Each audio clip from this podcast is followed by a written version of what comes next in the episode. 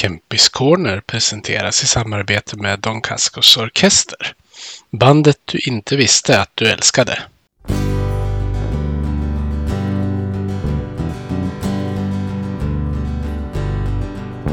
Vi hejar på Modo, rödvit och grön.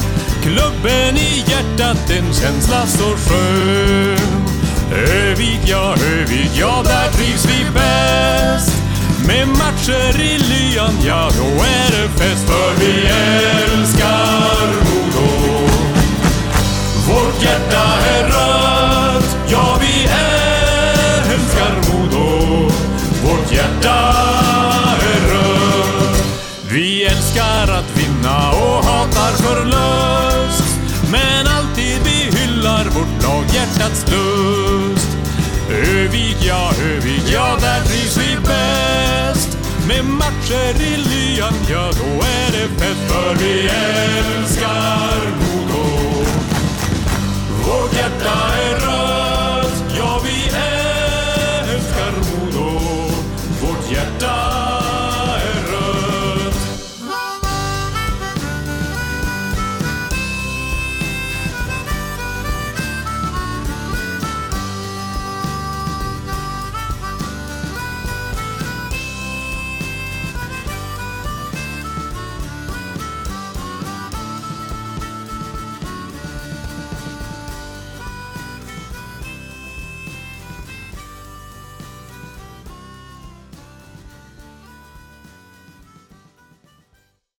Hej och välkomna ska ni vara till eh, Modopodden Kempis Corner med mig Peter Kempe. Och idag har jag med mig en speciell gäst, eh, Mattias Karlin, färsk huvudtränare i Modo. Välkommen till podden. Ja, men tack så mycket. Hur är läget med dig? Jo, tack det är bra. Eh, håller på här och eh, planerar lite grann för att ta mig upp till Övik. Eh, så eh, tanken är väl att jag ska komma upp här i början av maj och vara uppe en tio dagar ungefär. Så jag håller på att kolla på lite olika färd, färdmedel. Jajamän. Det, det är väl det jag håller på med just här och nu. Mm. Eh, Jag brukar ju börja den här podden med två frågor. Jag vet inte om du har lyssnat på den någon gång. Eh, Men i alla fall min första fråga är vad har du för anknytning till Modo? Eh, ja, min anknytning är ju att eh, det var ju där jag började spela hockey. Det var ju på den banan som jag kom in på hockey. Eh, så um, anknytningen är ju väldigt stor, framförallt i början av mitt liv. Eh, från jag var 5-6 år där eh, och fram till 20 plus. Så um, den är stor. Mm. Den andra frågan jag alltid brukar ställa här det är vad har du för minnen från Kempehallen? Oj, där har man ju extremt mycket minnen från såklart. Det var ju där man, eh, där man alltid spelade, höll jag på att säga, Modahallen eller Kempis. Ehm, för det, den nya arenan fanns inte när jag höll på. Så alla mina hockeyminnen kan man i grund och botten säga finns från Kempis och ja, självklart Modahallen. Eh, då tänker jag att vi ska gå och börja med din spelarkarriär. Prata lite om den. Eh, varför blev det just ishockey för dig? Ja, det stavas nog ganska mycket pappa skulle jag vilja säga. Ehm, Jag hade nog inte något större val. Ehm, Min pappa spelar själv och har ju och har, eller har alltid haft ett enormt intresse för just sporten hockey. Ehm, Så jag tror inte jag hade något större val, eh, även fast jag inte kommer ihåg så jättemycket. Men det är genom min pappa definitivt. Ja. Höll du på med någon annan idrott också? Ja, det var hockey och fotboll som, eh, som, jag, som jag höll på med. Det var de två. Var du lika bra i fotboll som du var i hockey? Nej, nej det var jag inte. Eh, jag var väl helt okej i fotboll också, men eh, jag var definitivt bättre i hockey. Ja. Eh, Du sågs ju som en stor talang från, från ung ålder i hockey. Påverkade det dig på isen på något sätt? Nej, det, det ska vi inte säga. Utan, nej, men alltså på den tiden var det ju eh, ja, men Foppa Näslund och 73 och så 75 kom ju sen och 74 så man hade ju många att se upp till och man hade ju liksom eh, draghjälp från de som var några år äldre än vad en annan var. Eh, men eh, påverkan på isen, det vet jag inte. Det, det ska jag nog inte säga. Nej. Eh, kan du inte berätta lite om din tid som spelare i Modo? Eh, ja, nu är det ju extremt länge sedan så jag kommer inte ens ihåg hälften. Uh, nej, men jag, ja, som jag sa lite grann, jag började när jag var 5-6 år och så sen uh, gick jag ju hela vägen upp då till, uh, ja, till juniorerna till att börja med och så sen vart det A-laget då. Var väl i A-laget, ja, tre år eller något sånt tror jag det var. Sen, ja, därifrån hade man ju många roliga minnen och även några tråkiga. Framförallt tänker jag på finalförluster och grejer. Ehm, men eh, jag fick vara med i- en tid där Modo var eh, ganska ledande skulle jag vilja säga i, i svensk hockey. Eh, gick ju till, under min tid, två finaler och en semifinal. eh, Av vad jag kommer ihåg i alla fall. Ehm, Så det var, det var en rolig tid men eh, det, det som svartade ner alltihop det är ju fortfarande guldet 99 som vi ja, tyvärr sjabblade iväg fullständigt. Så det, den hade man gärna velat haft ogjord så hade man varit nöjdare idag. Ja, ja, det finns ju ett litet agg från Modo-fansen mot till exempel Ove Molin fortfarande från den här tiden vet jag. Ja, nej, men det är ju, det är ju liksom tyvärr något som man, eh, ja, som man får bära med sig såklart hela livet. Eh, sen är det liksom eh, för varje år som går så blir det ju mindre och mindre liksom att man tänker tillbaka på just det. Men det kommer ju alltid finnas där på något- ett eller annat sätt. Ja, jag är född 83 så jag var ju tillräckligt gammal för att komma ihåg allt det där. Ja, nej, det, nej, det var ingen, det var ingen rolig dag det där. Nej. Hör va?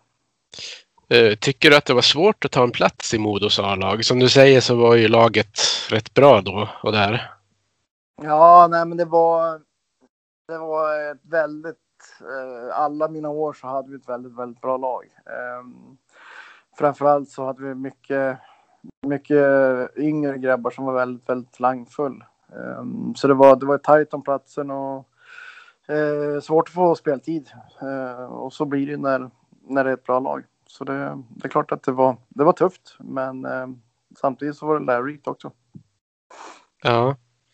Eh, om vi ska spekulera lite grann. Om vi säger att du var en talang i Modo i dagens hockeyklimat. Tror du att du hade sökt dig vidare till en annan klubb om du hade fått begränsat med speltid? Ja, alltså. Ja, det hade jag definitivt gjort. Eh, men där och då så. Det funkade inte riktigt på samma sätt för 20 plus år sedan som det gör idag. Um, oftast på den tiden så var man kvar i det lag man var i liksom. Um, så man får inte hoppa runt i en massa klubbar. Men hade det varit idag och jag hade varit i den sitsen så då hade jag ju definitivt gjort annorlunda. För eh, vi hade ju på min position varit bara landslagscentrar. Eh, och så kommer jag då. Eh, så det är klart att eh, chanserna var inte så jättegoda att man skulle få spela för mycket. Ehm, så det är klart att det, det är någonting man ångrade liksom om man kan se tillbaka. Men samtidigt så var det helt annorlunda då än vad det är nu. Ja, helt klart. Du hade ju, visst var det Pelle Bäckman som var tränare i Modo när du var med?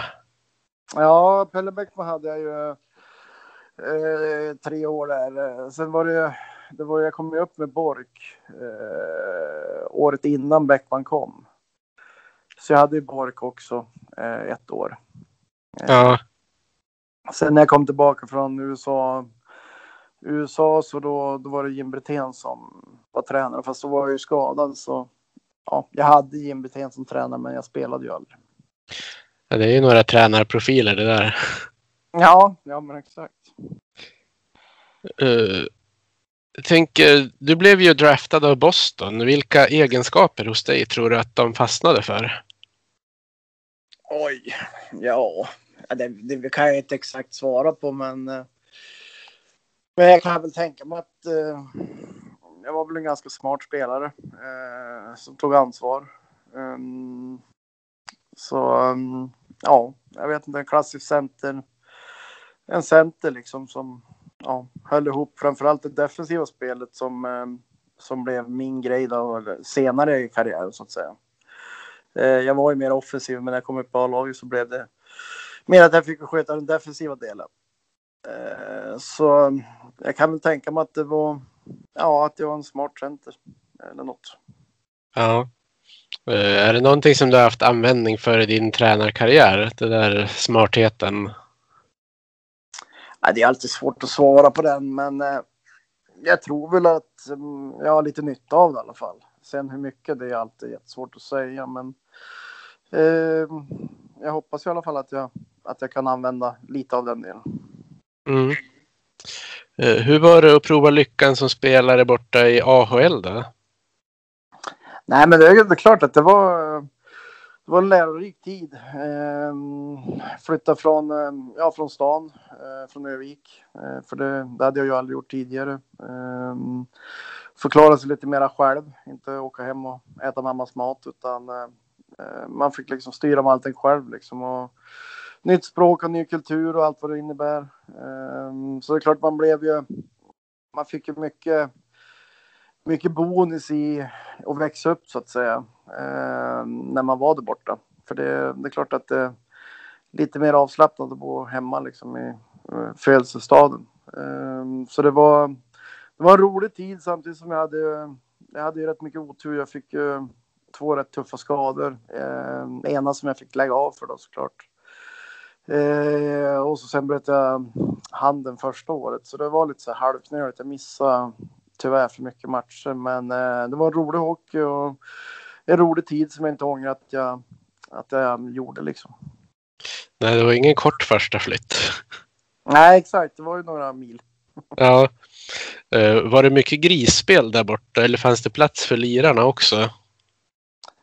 Jo, men det, det fanns plats för bägge. Eh, idag tror jag väl att det är mindre eh, grisspel än vad det var då. Eh, för det, det är klart att eh, det var ju en hel del betoning på eh, ja, men, tacklas och fightas och allt vad det kan vara. Eh, men det fanns även plats för lirare definitivt.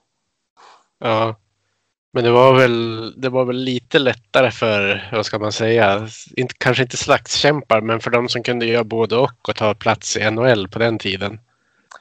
Ja, alltså det har ju ändrats allting. Eh, det är ju mindre slagsmål ja, NHL och förmodligen även AL eh, än vad det var förut. Eh, så det, det har väl ändrats en hel del. Man ser ju fighten nu också, men eh, inte på samma sätt som förr.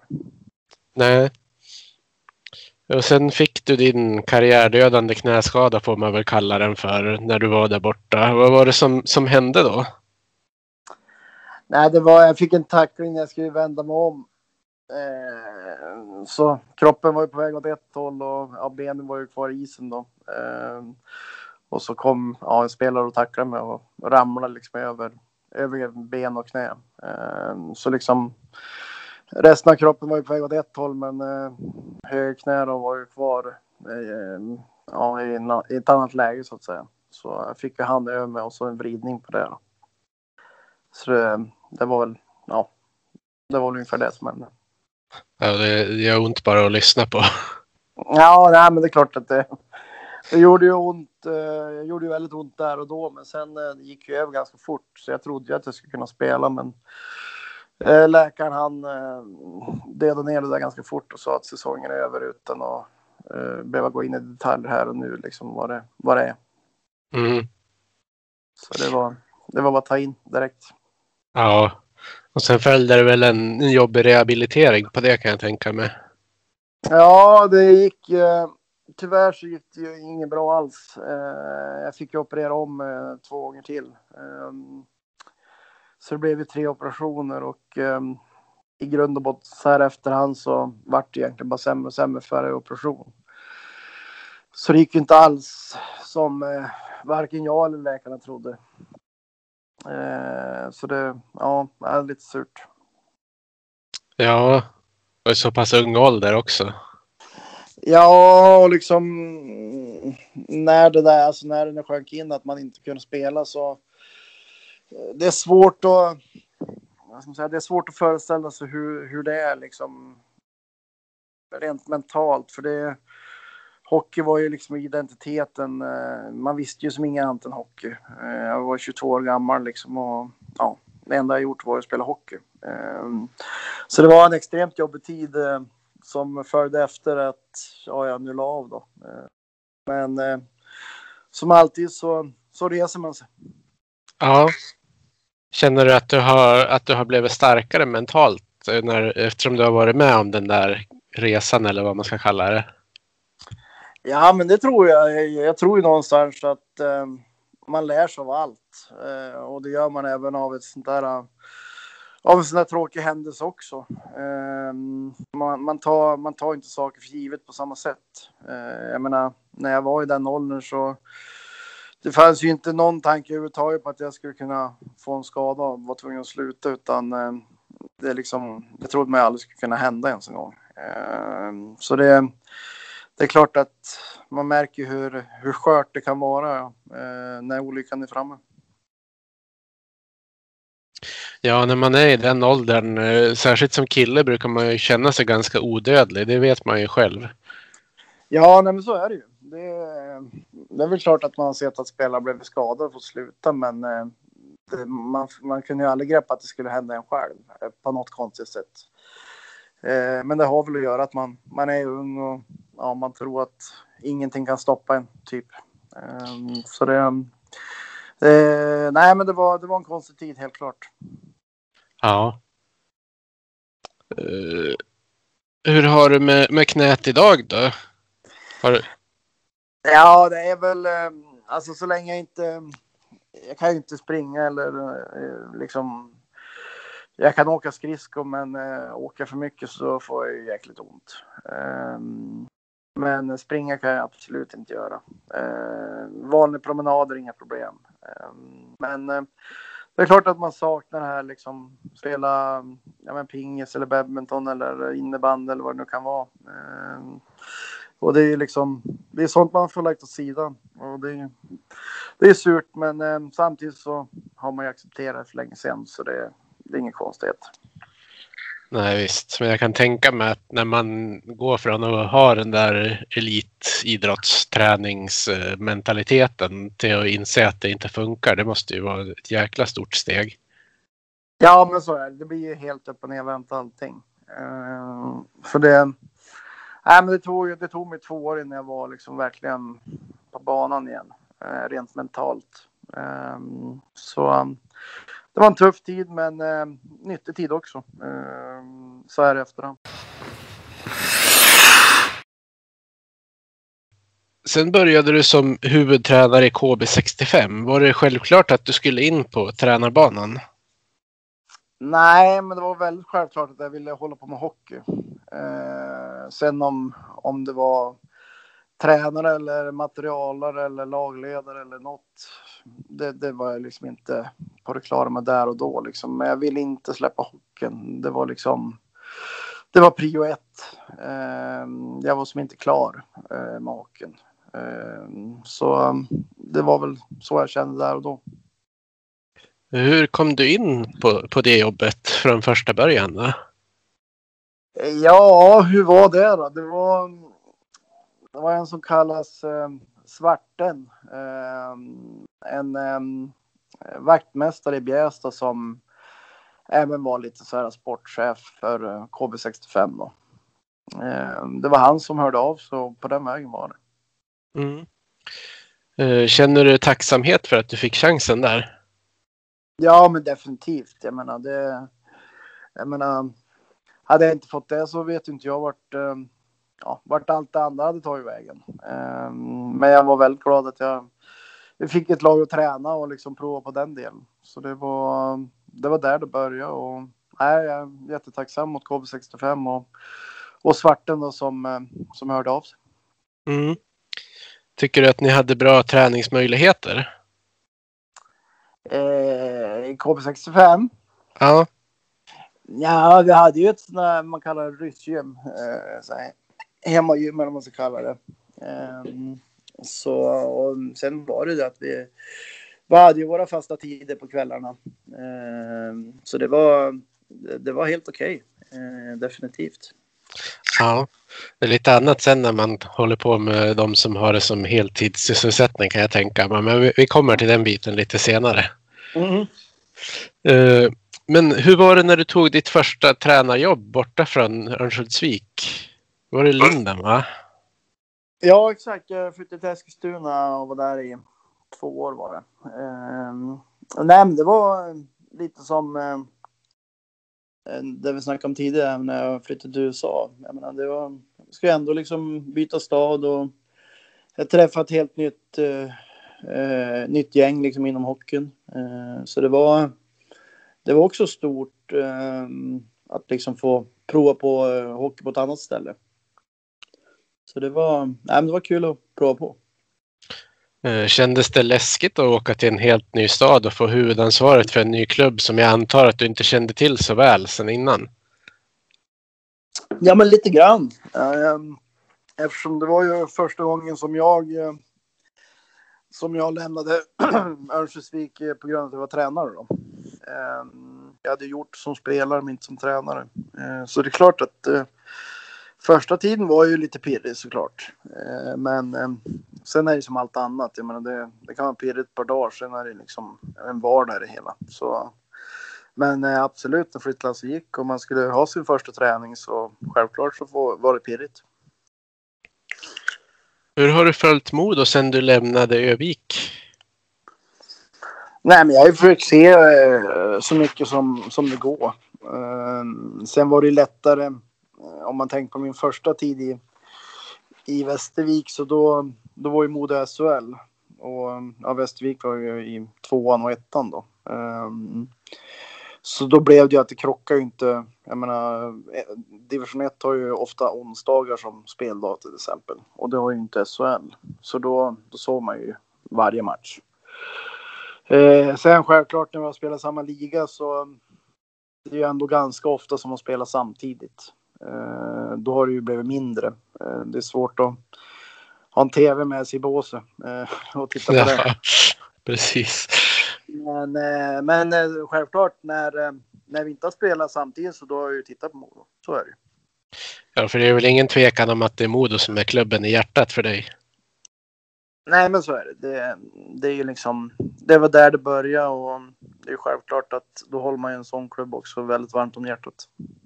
Ja, jag så, har sett någon bild som har börjat cirkulera på Twitter på eh, en bild på dig från SM-guldkvällen med tårar i ögonen. Så.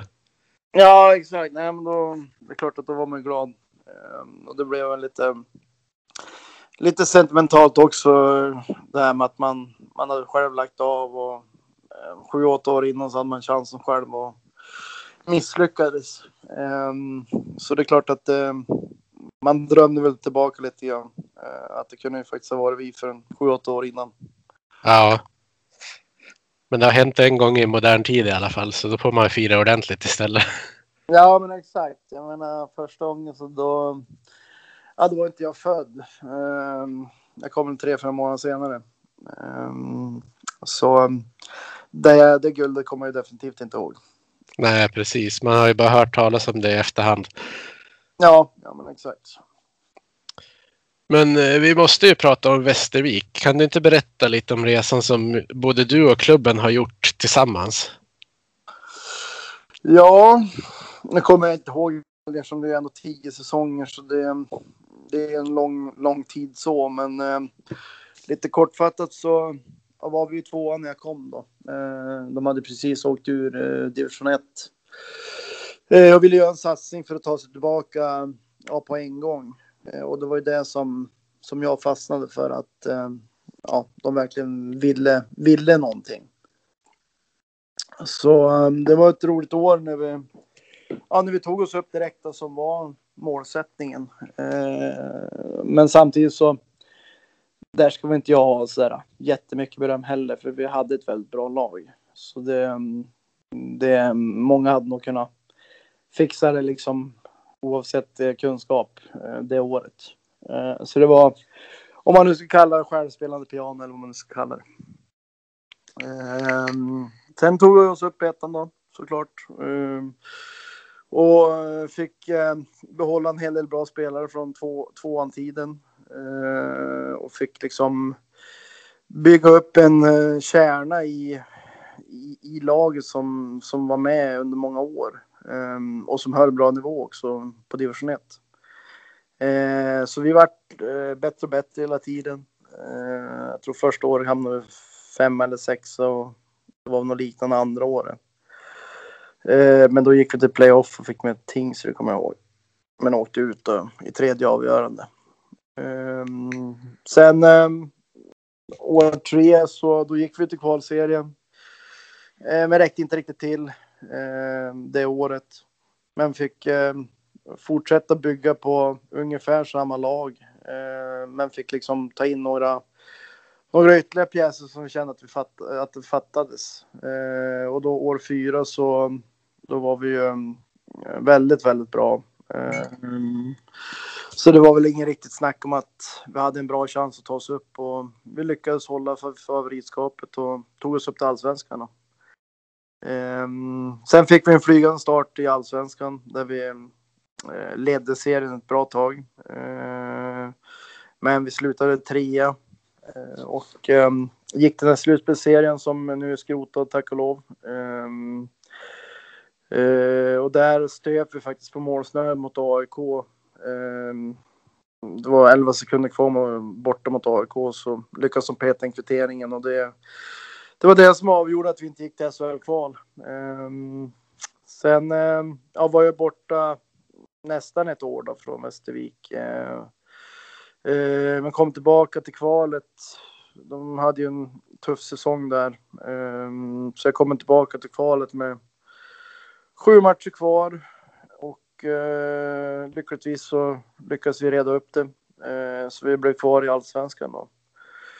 Eh, sen hade vi väl egentligen två ganska lika säsonger eh, efter det, där vi kom åtta bägge åren för mig. Så vi tog den sista slutspelsplatsen.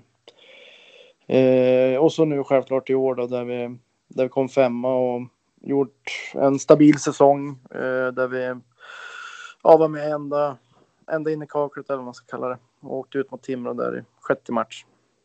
Ja, ni lyckades ju pressa dem lite grann i alla fall. Ja, jo men exakt. Eh, men vi hade ju behövt vinna någon av SAD-matcherna. Eh, för att kunna verkligen göra eh, darr i Timrå. Ja. Men när du tog, tog jobbet i Västervik, kunde du då föreställa dig att du skulle sluta högre i, i tabellen än Modo flera gånger? Ni gick ju till, eller hamnade ju i allsvenskan samma säsong till och med. Ja, exakt. Nej, alltså när jag tog jobbet då, då var ju vi två, eller Västervik var ju tvåan och Modo var i SHL. Så, det var inte så att man tänkte att man skulle mötas en fem år senare. Eh, den såg man ju inte komma såklart. Eh, men eh, sen när vi väl var i, när vi var i allsvenskan då, det är självklart så trodde jag att, att vi skulle få det väldigt, väldigt tufft mot Modo eftersom ja, det var lite andra förutsättningar. Men eh, det är så här sporten kan vara ibland. Ja.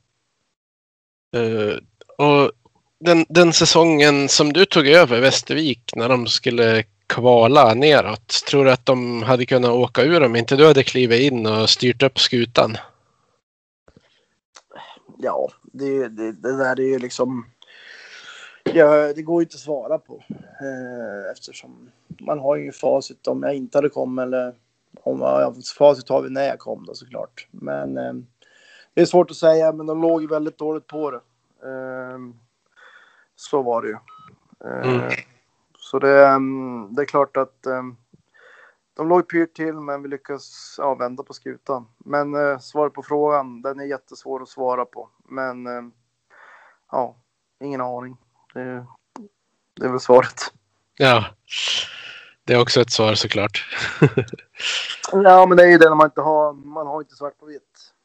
Nej, det blir mycket spekulationer såklart. Jo, exakt. Så det enda svaret jag har är att vi, vi lyckades när jag var, när jag kom. Eh, mm. Men det andra får vi aldrig svar på. Nej. Eh, annars har ni överträffat förväntningarna år efter år med Västervik. Vad, vad tror du att det beror på? Eh, ja, nej men det är väl att vi...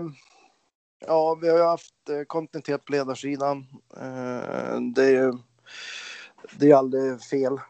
Eh, sen har vi inte haft kontinuitet på spelarsidan, eh, vilket såklart är lite tråkigt. Eh, men det är väl att ändå. Jag tror ändå spelarna känner sig ganska trygga med att vi har haft kontinuitet på spel eller på tränarsidan. Eh, och att vi, vi är väldigt ödmjuk och jobbat hårt liksom och driver gruppen framåt och alla som har kommit har liksom känt sig välkommen och verkligen eh, spelar för, för, för klubben så att säga. Eh, så det är väl det att vi, har fått in en liten eh, jävlar anamma kultur och eh, kontinuitet på ledarsidan. Mm. Sen att du är van att få en ny grupp att fungera kan ju inte vara någon nackdel när det handlar om tränaruppdraget heller. Nej, och det är alltså. Det här har väl med. Jag tror så här att när man är så van att eh, få 17-18 nya spelare varje år så får man ju en viss rutin av det också. Ehm, så det är klart att eftersom den dag, det, det har varit en vanlig företeelse liksom för oss så har inte vi liksom hängt med med skallen liksom att ja, ah, men det är för att vi har så mycket nya eller utan vi har liksom. Vi har bara jobbat på och liksom försökt bli bättre för varje dag som går. Um, så, så jag tror att det är, det är genom rutin att vi, vi är så van att byta spelare. Uh, det är det som har gjort att det inte har blivit så stort av det heller. Nej. Nej, man ser ju bara för nästa år på Västervik så är det ju just i dagsläget tre spelare klara. Mm. Det, det, kommer säkert bli ett nytt lagbygge igen där. Ja, alltså det är väldigt stor chans. Eh, och sen är det ju så att om man nu ska ta Västervik som exempel så eftersom Västervik hade en bra säsong.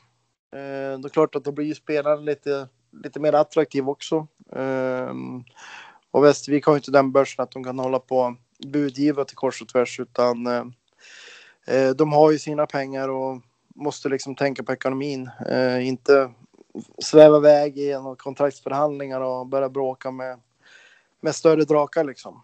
Um, så det, det finns ju en baksida med framgång också. Um, såklart. Ja. Eh, du hade ju förresten Modobekantingen Ragnar Karlsson som assisterande tränare i Västervik i flera år. Var det för att ni kände varandra sedan tidigare? Eh, ja, delvis eh, var det ju det. Eh, jag hade ju Ragge först som spelare några år. Eh, och sen, eh, ja, självklart blev ju han till åren och hoppade, hoppade av spelarkarriären. Eh, så det blev ganska enkelt val att han hoppade in och körde. Ehm, för han har ju mycket rutin inom hockeyn och kunskap också, så det, det passade bra för honom. Mm. Och så fick du chansen att ta över Mora i SHL. Vad var det som hände där egentligen? Eh, ja, nej, först fick jag ju naturligtvis chansen. Eh, det var ju efter av vårt första år i allsvenskan. Eh, när, ja, ska jag säga, när vi chockade de allsvenska lagen och kom trea. Eh, så skrev jag på ett tvåårsavtal med Mora och ehm, Eh, vi visste ju att det skulle bli tufft eh, eftersom Mora var nykomlingar eh, och tappade några viktiga pjäser från det lag som gick upp. Um, och så liten budget så vi visste att det skulle bli tufft men um, um, ja, uppenbarligen så. Jag vet inte om alla eh, förstod hur, hur stort steg det var eh, mellan allsvenskan och SHL. Det var väl lite så man kunde känna. Ja. uh, man, just när, eh, när man fick reda på att ni hade fått gått därifrån så kändes det nästan som att Mora hade överpresterat i tabellen. Ja, vi låg ju... Eh, ja, fan, var låg Jag tror vi låg 11 eller 12. Eh, när vi slutade. Vi, vi hade ett antal poäng till, till kval, kommer jag ihåg. Eh, så det, det, det, rent resultatmässigt så, eh, så ja, man vill ju alltid mer naturligtvis. Eh, helst vill man vara etta varje år, men man måste ju också förstå eh, att man, om man är nykomling så ja, då är det nog stor chans att man kanske är där nere någonstans. Eh, men de, de ville mer. men då tänker jag att vi ska hoppa över till, eh, till Modo. Eh, Mm. Men först måste jag fråga, det, det kom ju lösa rykten innan du tog över Västervik om att du kanske skulle ha tagit över Modo efter den säsongen. När du hade den säsongen som du var i Mora. Då. Var det aktuellt att det skulle kunna bli så? Oj, nu måste jag tänka. Det, det är så många år sedan. Ja, vi Eh, pratar väl 2018 nu. Eh, så det var alltså efter kvalet med Västervik då? Ja, innan du tog över Västervik så kom det ju lite så här lösa rykten om att du skulle kunna vara aktuell som Modotränare. För det var väl, vill jag minnas, eh, Ja, det var när Björn kom va? Eller fan var det? ja, ja, precis. Det måste ju ha varit det. Det var när Särkijärvi hade gått ut med att han skulle sluta. Ja, nej, då, nej. Då, då var det nog inte så aktuellt, har jag för mig. Eh, jag vet att jag snackade med Sundlöv, eh, kommer jag ihåg. Men eh, det var inte nära liksom, eh, på något sätt. Eh, däremot eh, när Särkijärvi tog över året innan, då var det betydligt mycket närmare. Just det. Så nej, inte det år du, du snackar om. Nej. Nej, men då har vi fått bort den, den tanken ur huvudet i alla fall. Ja, exakt. Eh, Men hur känns det att bli tränare för Modo nu? Nej, men det, det ska bli jättekul. Eh, kul och spännande. Eh, vara med på ja, nystart ska man väl inte säga, men eh, ja, det är ändå nya ledare och ny sportchef också. Eh, så um, nej, men det ska vara kul att få med på en resa som eh, förhoppningsvis ska bli jäkligt eh, bra, både resultatmässigt och ja, ekonomiskt också för den delen. Eh, men framförallt resultatmässigt så hoppas jag på att vi ska kunna göra det bra. Ja, hur gick förhandlingarna till? Det har ju pratats om din så, så kallade Modo-out i kontraktet bland annat. Mm. Nej, men det, det, det var ju en. Det var ju en grej som jag hade i mitt kontrakt från. eh, Ja, ska jag se. Eh, Jag skrev ju. 3 plus 1, jag skrev 4 plus 1. Jag kommer inte ihåg hur- många år jag skrev, men jag vet att det sista kontraktet jag skrev så. Då hade jag en klausul i kontraktet att jag kunde bryta för Modo. Ehm, Så det var det som var klausulen så att säga. Mm. Så um, ja. Så såg det ut. Så antar jag att Modo kanske pratade med, med Västervik först och sen fick ni förhandla efter att de hade kommit överens. Ja, eh, Modo hörde av sig till, eh, till, till Västervik och sa att de var intresserade av den där klausulen. Eh, som jag fattar det. Jag, jag var inte med på det samtalet, men det är väl så jag förstått det. Mm. Så ja, det är väl på den vägen det helt enkelt. Ja. Eh, nu får man väl kalla det för att du kommer hem, även om jag kan tänka mig att du rotade i Västervik också. Eh, vad kommer du hem med för förväntningar? Nej, men förväntningarna är, är, är väl hög. Alltså, det är inte så att jag, det är inte så att jag snackar tabellplacering, men eh, det viktiga för mig är att vi, att vi ska ha ett jäkla hjärta och att vi ska, vi ska bli bättre och bättre hela tiden. Eh, vi kommer ha sämre och, sämre och bättre matcher, men vi ska i alla fall kriga oavsett eh, bra eller dåliga dagar. Det ska vi aldrig falla ur liksom. Nej. Eh, vad, vad kommer du ha för, för kravbild på spelarna som kommer in i Modo Hockey?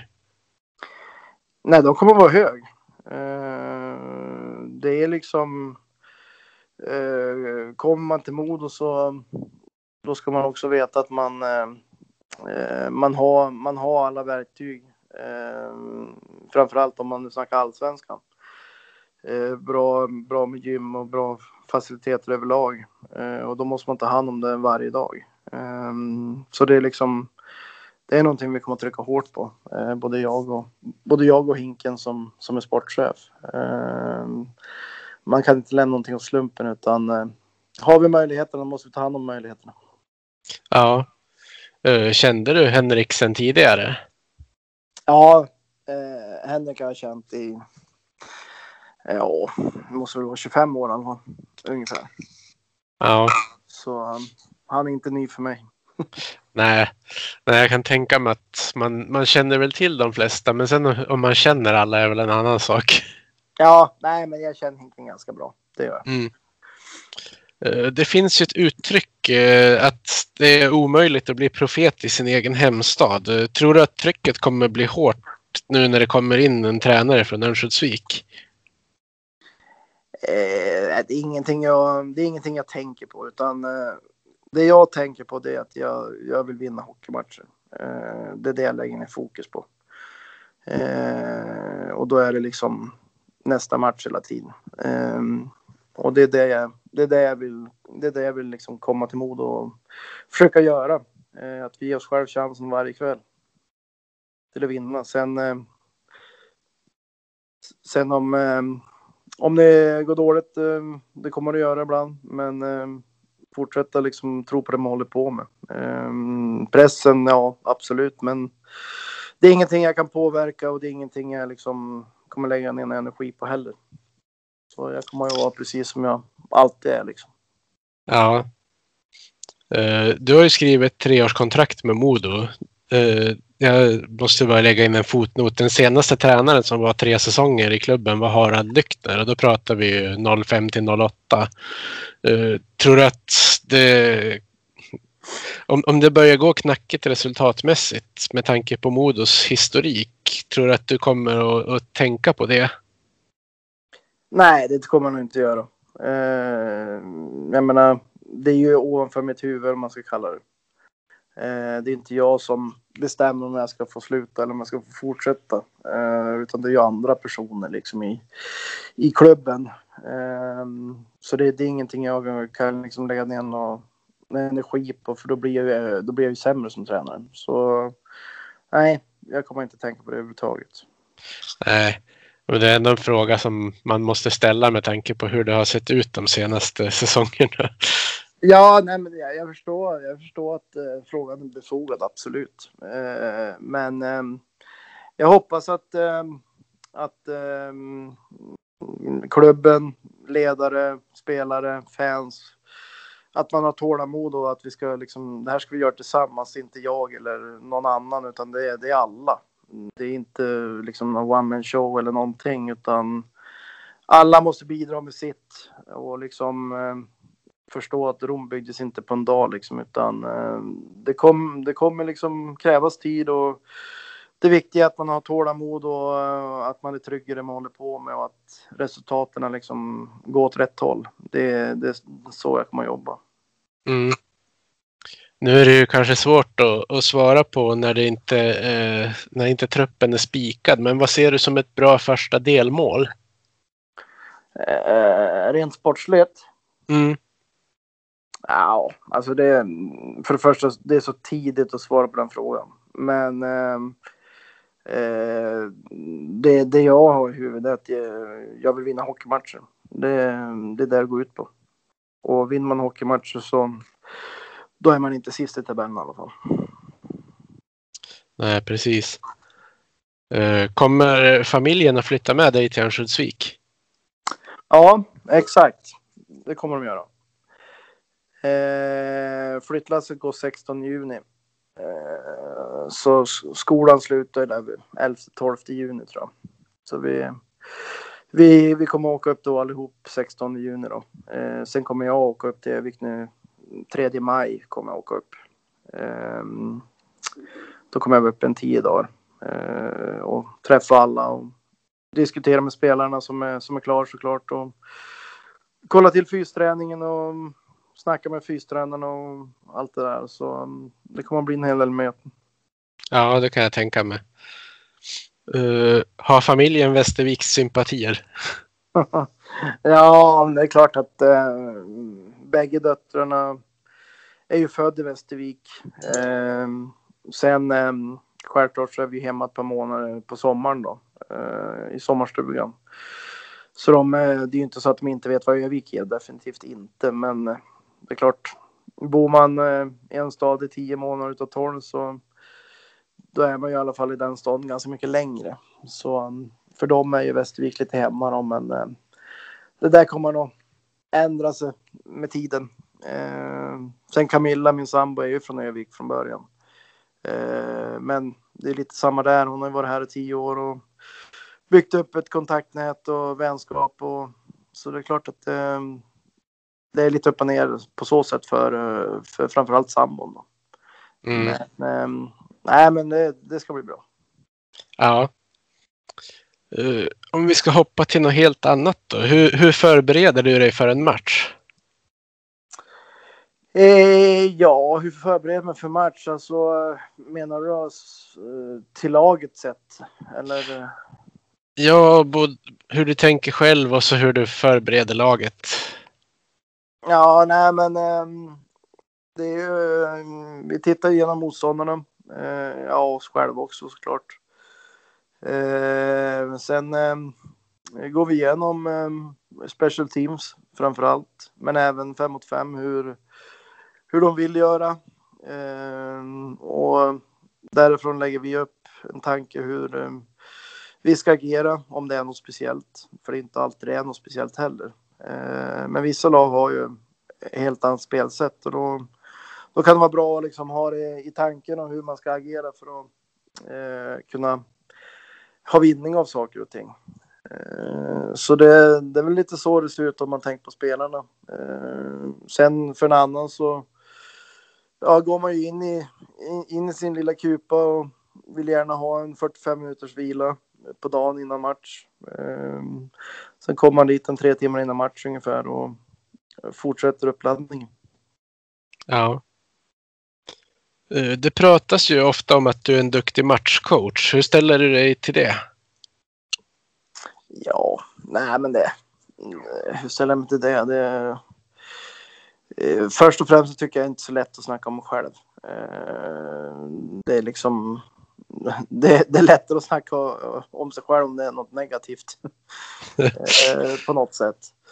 Men nej, men jag tror väl att jag har hyfsat bra koll på vad som händer på plan och inte. Um, självklart så missar jag ju saker, det är inte det, men jag tror ändå jag har ganska bra koll. Uh, jag vill ha bra koll i alla fall. Um, så ja, jag kanske är helt okej okay, Ja, eh, jag har en följdfråga där också. Är, är det lätt för dig att se mönster som behöver ändras på under en match?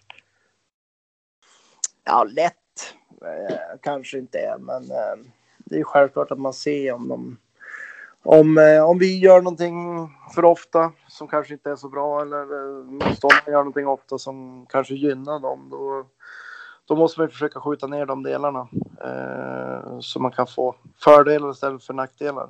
Eh, så det är klart att eh, jag ser mönster, det gör jag ju.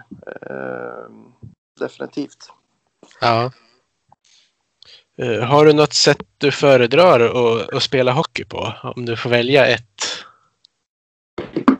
Ja, alltså jag... Framförallt så vill jag spela med femman. Eh, spelar ingen roll om du är offensiv eller defensiv så vill jag att du ska kunna sköta bägge delarna på så bra sätt som du bara kan eh, som individ. Eh, jag vill inte ha spelare som åker glider Eh, vi säger att backarna spelar pucken till forward så vill inte jag ha två glidande backar som inte är delaktiga i anfallsspelet fem sekunder senare utan eh, de ska åka lika fort som forwards. Eh, av två skäl. Ett är ju om vi tappar puck så är gapet nästan stängt från backhållset. Eh, så det blir svårare för motståndarna att gå till anfall. Eh, sen är det ju att man har man fem man istället för kanske bara tre man i ett anfall så får man mer möjlighet att kunna göra någonting bra. Eh, då kan man utnyttja backen också. Eh, och likadant åt andra hållet när det går åt fel håll så att säga. Då vill jag att får ska trycka på hemgångarna. För vinner vi puck så kanske vi får yta att gå framåt om man nu har skakat av sig motståndarbackarna eh, i hemjobbet. Så då kan man vinna yta i anfallsdelen så att säga. Så jag vill verkligen att man ska vara femman som är nära och verkligen jobba åt bägge håll, inte bara åt ett håll. Mm. Uh, nu ska ni bygga ett, ett, helt nytt Modo får man väl säga. Jag tror att du är förberedd på utmaningen att få in många nya spelare. Vi var ju och nosade lite på det ämnet tidigare också förstås. Uh, ja, alltså förberedd eh, definitivt. Uh, det, det, är inga problem. Men sen är det ju det att liksom man, lite som jag var inne tidigare, att det tar ju sin lilla tid att sätta kedjor och backpar och roller också. Eh, för roller är, är väldigt viktigt för ett lag. Eh, att man är tydlig från ledarhåll vad man förväntar sig av individen. Eh, så det kommer att ta sin tid och det, vi kommer absolut inte att hitta rätt i premiären. Det, det har svårt att se för det har aldrig hänt förut. Men däremot så hoppas man att man kan hitta lite block och kunna bygga framåt därifrån för att till slut hitta rätt ja, kanske efter en månad eller vad det nu kan vara. Ja. Uh, har du haft mycket att säga till om i spelarrekryteringen? Eh, nej, det har jag inte eftersom eh, ja, först och främst så var det ju ett gäng som hade avtal även till i år då såklart från förra året. Sen, sen är det ju några värvningar som var gjort som som eh, ja, hände långt innan jag var klar. Eh, så det är väl eh, det som kommer nu och framåt kan man säga. Det är det som, som jag har varit med på kan man säga. Mm. Ja, nu när vi spelar in det här då är det ju 21 april och det är ju inga värvningar som är kommunicerade utåt. Vet du om det är någonting planerat att, eh, som ska slängas ut på, på hemsidan snart? Nej, jag har inte stenkoll på den. Eh, om hur planen är. Eh, så den törs jag faktiskt inte riktigt svara på. Nej. Eh, men eh, det kommer att rulla på framöver, så är det ju. Jajamän. Eh, hur kommer ledarstaben runt laget att se ut? Kommer du till exempel att få bestämma din egen assisterande tränare? Ja, alltså jag kommer ju definitivt få får liksom eh, säga vad jag känner och tycker, absolut. Eh, men sen är det ju liksom eh, hinken naturligtvis. Eh, så det, det liksom gäller att man, man är ändå på samma våglängd så att säga. Eh, och det, det, tror jag vi definitivt kommer att vara också. Eh, så vi, vi har väl diskuterat några namn men vi har väl inte kommit i mål eh, med allting. Nej. Uh, kommer du att försöka lyfta upp eh, juniorer i A-truppen för att utveckla dem? Eh, jag tänker så de får spela på roller som passar enligt deras styrkor till exempel.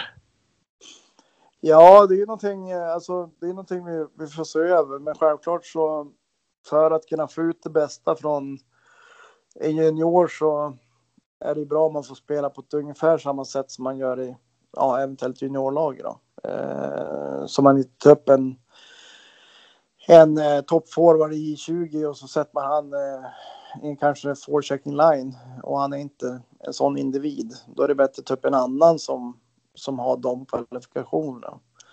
Eh, så det är också viktigt att man, man ger förutsättning till han som nu tas upp, liksom, att han får det får inte bli en hel omvändning i hans spel liksom, utan eh, måste ju finnas någon slags linje i både J20 och A-lag. Mm. och det finns några duktiga juniorer så det kommer definitivt vara juniorer som kommer vara med i våran, i våran trupp. Eh, på, på en matchdag, hur stor matchtrupp skulle du föredra att ha? Skulle du vilja ha 18 eller skulle du vilja ha någon, någon extra spelare också? Eh, ja, det där är ju en, eh, det där är en klurig fråga eh, som har varit uppe på tapeten lite grann. Eh, jag är lite kluven själv. Eh, vi vill in, om man nu ska ta ett annat perspektiv, vi säger att man har en juniorback eh, som är uppe till exempel, eh, som sjua. Eh, och juniorerna har match, då ska ju inte han vara sjua till exempel. Utan då ska ju han vara med juniorerna. Eh, så han får mer istid där. Istället för att kanske få fem minuter i A-laget. Det, det är förkastligt. Det handlar om att få mycket minuter. Eh, ja, antingen i A-laget eller juniorerna. Eh, så det gäller att man är lite smart också. Eh, man ska inte dressa full trupp bara för att. Eh, utan eh, finns det möjligheter för istid någon annanstans då är det bättre att man är där. Mm. Eh, hur tycker du att en, en bra ledare ska vara? Ja, nej, men jag tycker att han ska vara tydlig. Eh, och liksom eh, säga vad han, vad han tycker. Eh, nu snackar jag väl kanske lite mer individnivå. Eh, att man liksom ja, man förklarar varför man inte får spela. Eh, till exempel. Eh, men att man är liksom rak och ärlig i det man, det man håller på med. Och tydlighet också i den delen. Eh, sen eh, tycker jag det är viktigt att man är lyhörd. Eh, lyssna av gruppen och hör hur de mår och liksom man värnar om individen att eh, alla ska må bra liksom och det ska vara högt i tak framför allt. Eh, ingen ska vara rädd att komma in till mig och eh, ifrågasätta om man inte får spela eller vad det nu kan vara. Eh, då ska man komma in till mig. Jag vill inte veta av att man man är rädd för, för en tränare för då, då känner jag att jag har misslyckats. Eh, så jag vill ha väldigt, väldigt öppet klimat och där man ska våga liksom säga vad man tycker liksom. Eh, det tror jag är jätte, jätteviktigt. Ja. Eh, tycker du att du, att du har lätt att motivera spelare inför en match? Ja, lätt. Det är väl kanske fel. fel. Men eh, nej, men eh, det är väl klart att man, man, eh, man försöker hitta alla möjliga varianter eh, för att motivera och pusha och, och det är ju än viktigare liksom när, när det kanske inte går exakt som man vill. Det är då man ska hitta nycklarna för att lätta upp på grejerna och släppa ner axlarna och grabbarna vågar köra liksom. Så lätt, ja det är väl fel ord men det är någonting som är viktigt, definitivt. Ja. Eh, hur mycket tid lägger du på att analysera och tänka på hockey en vanlig vecka? Oj. Ja du, det är många timmar det.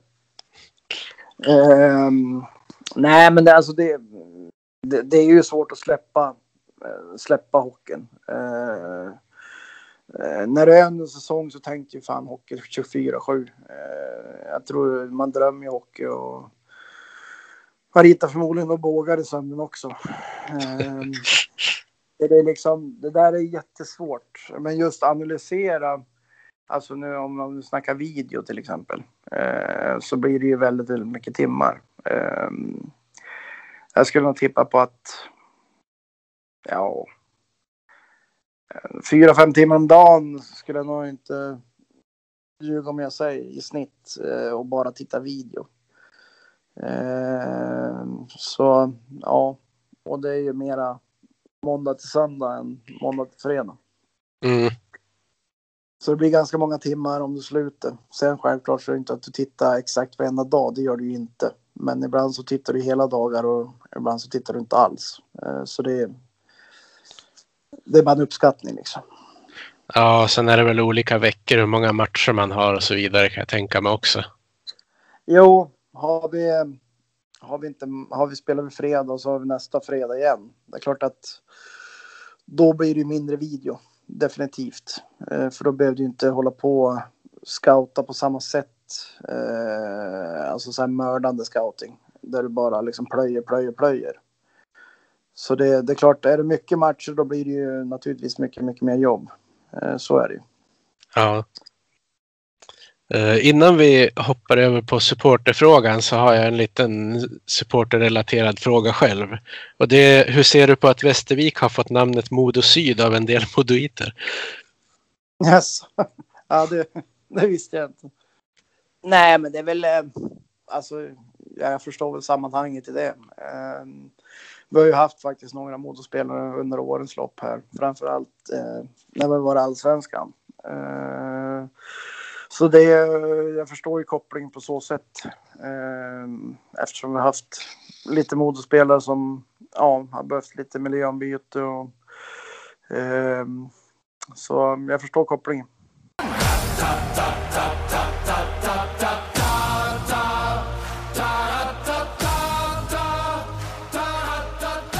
Supporterfrågan.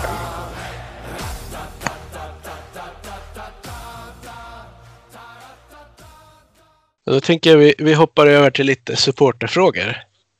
Mm. Eh, Martin Lindström, han frågar Får du välja din assisterande tränare själv och eh, vilka kvalitet, kvaliteter bör den personen ha som kompletterar dina egna skills? Eh, ja, om vi börjar där med att få välja själv så självklart så är jag ju i allra högst eh, delaktig. Eh, men jag kommer inte liksom välja helt och hållet själv utan Hinken är ju med också i den processen eh, såklart. Eh, så delvis eh, får jag välja, men eh, inte helt och hållet, definitivt inte. Eh, så det var väl svaret på den. Mm. Eh, sen eh, som assisterande eh, vill jag ha någon som, eh, som coachar backarna. Eh, eftersom jag, jag är van själv att coacha forwards.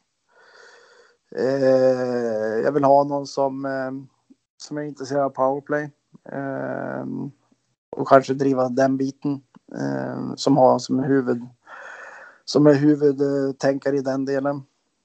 Eh, sen vill jag ha någon som tycker om att Ehm, eh, ge feedback till individerna på individnivå. Titta, titta um, klipp med spelare som lägger ner mycket tid eh, i, på individnivå. Eh, och självklart en bra person. Det, men det, det är liksom, vill ju alla liksom ha. Eh, såklart. Eh, så, men det är väl framförallt det som, eh, som jag tycker är, är viktigast. Mm.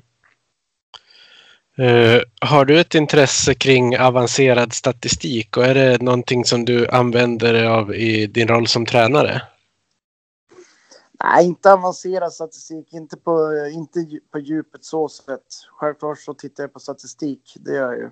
Eh, men det är inte så att jag, jag, eh, vad ska jag säga, jag tar ut ett lag efter course eller inte så. Som jag vet vissa andra kanske gör lite mer. Eh, men jag följer, jag följer statistik, det gör. Men eh, kanske inte lika nördigt som vissa andra. Nej. Eh, vill du att Modo ska använda sig av, av det? Av, av, av den statistiken? Ja, det är någonting vi får diskutera igenom eh, när, när ledar, ledartrojkan är satt och nu är målvaktstränaren klar också. Han är också en del i, i det där. Eh, så det är ju definitivt en sak vi får, vi får stöta och blöta. Eh, jag är inte för varken det ena eller det andra. Eh, så vi, vi får se vad vi kommer fram till när, när den bollen kommer i rullning. Mm. Sen Johannes Forsberg, min poddkollega i podd, den andra podden som jag har som heter Stället går bananas. Han undrar hur känns det att ha en helt annan lönebudget att röra sig med? Ja, jag vet inte. Alltså, det är ju så att eh, oavsett om hur mycket pengar du har eller lite pengar du har så måste du alltid tänka till. Eh, och liksom hålla, hålla i för att kunna spendera på ett smart sätt. Eh, och det, eh, där har man blivit ganska slipad genom åren eftersom vi har haft en väldigt liten pengapåse så har jag tänkt mer på ören och kronor än eh, tusenlappar om jag säger som så. Eh, så eh, självklart, det är inte fel att ha lite mer pengar, men det handlar om att få ut så mycket per krona eh, som du spenderar på varje individ också. Och det, det ser jag som jätte, jätteviktigt. Så, men absolut. Eh, jag föredrar ju hellre att ha lite mer pengar än lite mindre. Ja. Eh, han undrar också hur mycket kan du påverka kring värvningar av nya spelare? Nej, men det, är, det där är ju en eh, sak som jag och Hinken eh, vi, vi avsätter varje kväll här för att diskutera och stöta och blöta om spelare. Eh, och så eh, jag och Hinken, ja, det är vi som, som driver den delen så att säga. Så eh, det gäller att man är överens och att det känns bra liksom för bägge parter. Eh, så då, då är vi sugna om lönebilden är rätt. Uh, hur kommer du ag- agera konkret i, i båset och på träningar på det som eh, Gradin har pratat om med en, med en större kravbild på de som ska spela för Modo?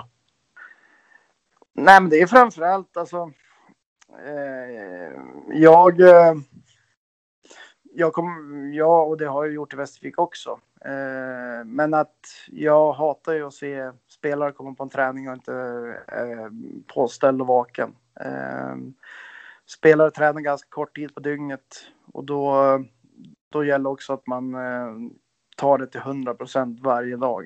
Eh, så det, det, är ingenting jag kommer att tumma på utan är man inte vaken och intresserad då kan man lika gärna gå och duscha och fundera på vad man ska göra liksom. Eh, utan eh, där kommer man inte tumma en sekund. Eh, det ska vara pang på hela tiden och alltid göra sitt bästa varje dag. Eh, för det är då resultaten kommer. Ja.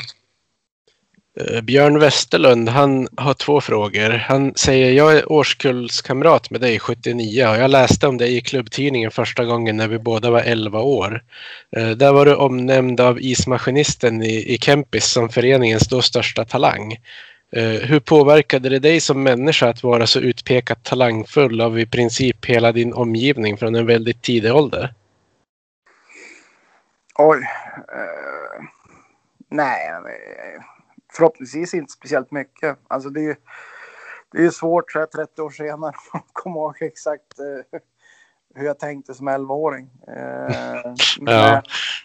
Men, men, nej, men det är väl klart att jag visste väl att jag hade förutsättning för att kunna bli ganska duktig. Eh, så var det ju. Men samtidigt så var det väl någonting man fick liksom lära sig och, och liksom behärska eller vad man ska säga.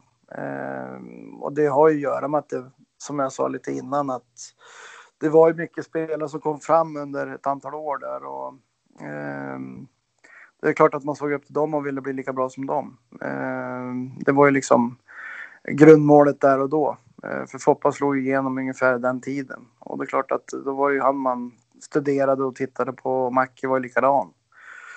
Ehm, så det, det var mer att man, man drömde att man ville bli lika bra som dem. Ja. Eh, sen frågade han också efter att skadorna gjorde det omöjligt för dig att fortsätta. Var du direkt säker på att det var tränare som du ville bli? Nej, den hade vi lite uppe tidigare. Ja, precis det var det ju inte utan eh, det enda jag var klar med det var att jag ville hålla på med hockey. Eh, sen i vilken omfattning det, det visste jag väl inte exakt där och då men jag vill inte släppa hockeyn i alla fall. Johan Boman undrar, kommer Conny Strömberg att bli powerplay-coach? ja, han har ju några idéer i alla fall. eh, I powerplay. Eh, eftersom jag haft, eh, haft han som spelare naturligtvis. Så vet jag ju liksom hans driv i just den delen. Så vi får se helt enkelt. Men att han kan powerplay, det, det, det, kan han, det vet jag. Ja. Sebastian Ingelsson frågar om ni kommer ha träningsläger i Bjästahallen. Oj. Ja, det, så långt har vi inte kommit i planeringen.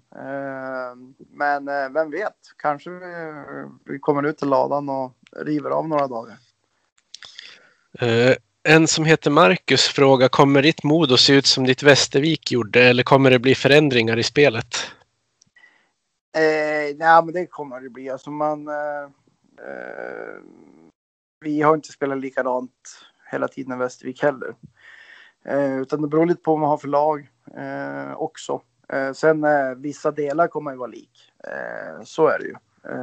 men har man som i år om man tänker Västervik så vi hade ganska stort och tungt lag och då vill vi vara väldigt rak och få ner puckarna djupt och smälla på och vinna liksom kamper och vinna puckar och få längre anfall. Eh, men har man då ett mindre lag eh, då, då blir det spelet väldigt eh, oekonomiskt. Eh, så det, det där är lite öppet. Vi får se vart vi landar med allting, men eh, grunden grunden är ju klar. Eh, sen beror det lite på vad man får spelare efter det.